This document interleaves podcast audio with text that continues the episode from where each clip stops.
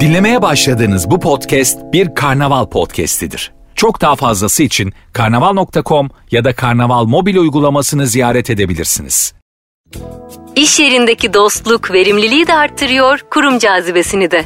Son zamanlarda liderler pek çok farklı zorlukla mücadele ediyor. Bunlardan biri de yetenekleri kuruma çekmek ve kurumda kalmasını sağlamak. İnsan kaynakları yöneticileri arasında yapılan bir Gallup araştırmasına göre çalışanların hayatlarını iyileştirmek dendiğinde ilk akla gelen başlıklardan biri olmasa da sosyal refah iş yerinde kurulan dostluklara bağlı. Kurumun çekiciliği, verimlilik ve çalışanların kurumda kalma süresi de öyle. Peki iş yerinde kalıcı dostluklar nasıl teşvik edilir? Detayları Marketing Türkiye editörü Gizem Yıldız aktarıyor.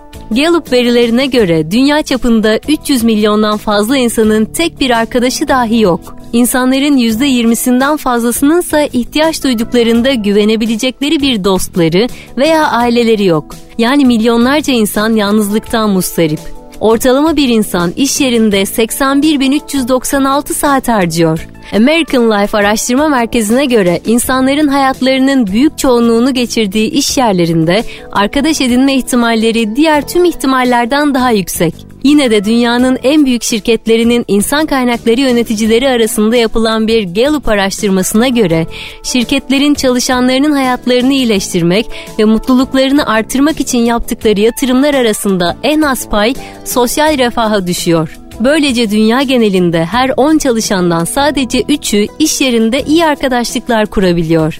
İnsan bizim en büyük varlığımızdır demesine rağmen birçok yönetici çalışanların ofise girerken özel hayatlarını kapıda bırakmalarını bekliyor. Yine de Gallup verileri iş yerinde iyi bir arkadaşa sahip olmanın karlılık, güvenlik ve çalışanları elde tutma gibi konularda dahil olmak üzere birçok avantaj sağladığını ortaya koyuyor.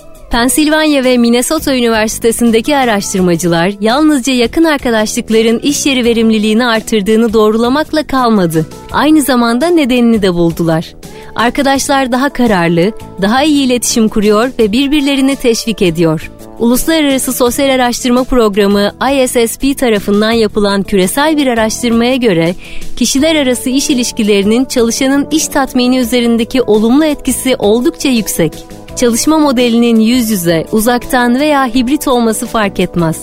Şirket içindeki dostlukları teşvik eden bir kültür, çalışanlar ve karlılık açısından olumlu sonuçlar doğuruyor. Peki yöneticilerin küresel yalnızlık salgını ile mücadeleye yardımcı olurken aynı zamanda ölçülebilir sonuçlar veren arkadaşlık dostu bir iş yeri yaratması mümkün mü? İşte bazı ipuçları. 1. Body sistemi kurun. Herkesin bir arkadaşa ihtiyacı vardır. Özellikle de şirkette yeniyken. Yeni işe alınanları kıdemli çalışanlarla bir araya getirmek, işe alım ve üretkenliği hızlandırabilir. Body'ler yeni işe alınan çalışanlara yalnızca eşyaların nerede olduğunu ve yazılı olmayan kuralların neler olduğu gibi bilgiler vermekle kalmaz. Aynı zamanda şirketteki diğer insanlarla bağlantı kurmalarına yardımcı olur. Ve bu ilk bağlantılardan bazıları uzun vadeli ilişkilerin temelini atar. İyi bir arkadaşlık sistemi kurmanın anahtarı etkileşimleri artırmaktır. Microsoft işe başladıkları ilk 90 gün içinde ofisteki arkadaşlarıyla 8 defadan fazla bir araya gelen çalışanlarının %97'sinin hızlı bir şekilde adapte olduğunu ve üretkenliklerinin yüksek olduğunu tespit etti. Yeni işe alınanlar ilk 90 gün içinde ofisteki arkadaşlarıyla yalnızca bir kez görüştüklerinde bu oran %56'ya düştü. 2. Mailleri azaltıp görüntülü görüşmeleri artırın. Pandemiden önce çalışanlar iş arkadaşlarıyla kahve içebiliyor, öğle yemeği yiyebiliyor ve koridorda laflayabiliyordu. 2020'de tam zamanlı olarak uzaktan çalışmaya başlayan insanlar iş arkadaşlarıyla eskisi kadar sosyalleşemedi. Çünkü arkadaşlık kurmak insanlarla konuşmayı, görmeyi ve birlikte olmayı gerektirir. Bağlanmanın en iyi yolu Zoom veya FaceTime'da da olsa birbirimizi görmektir. Ancak bunun için iş arkadaşlarının daha fazla konuşması ve daha az e-posta göndermesi gerekiyor. Çünkü e-posta asla yüz yüze diyaloğun yerini tutmamakla kalmıyor, yanlış anlaşılmaları tetikliyor. Bu konuda liderlerin daha çok diyaloğu teşvik etmesi ve bu konuda örnek olması gerekiyor. Ayrıca liderler beklentileri gözden geçirerek yeni kültürel normlar oluşturabilir ve hatta şirket yapılanmalarını güncelleyerek yüz yüze etkileşimleri artırabilir. Örneğin çapraz eğitimi teşvik etmek veya çalışanların şirketin diğer alanlarındaki kişilerle işbirliği yapabilmeleri için belirli periyotlarda görev değişimleri yapmak, çalışanlarınıza farklı birimdeki insanlarla bağ kurma fırsatı yaratır.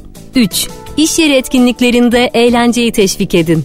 Politikaları, eğitimi veya zaman çizelgelerini zorunlu kılabilirsiniz ancak insanları arkadaş yapamazsınız. Çalışanlarının şirket partilerinden nefret etmesi de bir lidere hiçbir şey kazandırmaz. Çalışanlarınızın nelerden hoşlandığını gözlemleyerek eğlenceli aktiviteler oluşturup hem onların sosyal ihtiyaçlarını karşılamasını sağlayıp hem de eğlenceli bir kurum kültürü oluşturabilirsiniz. Unutmayın, şirketinizin ne kadar çekici olduğu çalışanlarınızın birbiriyle nasıl iletişim kurduğuna bağlı.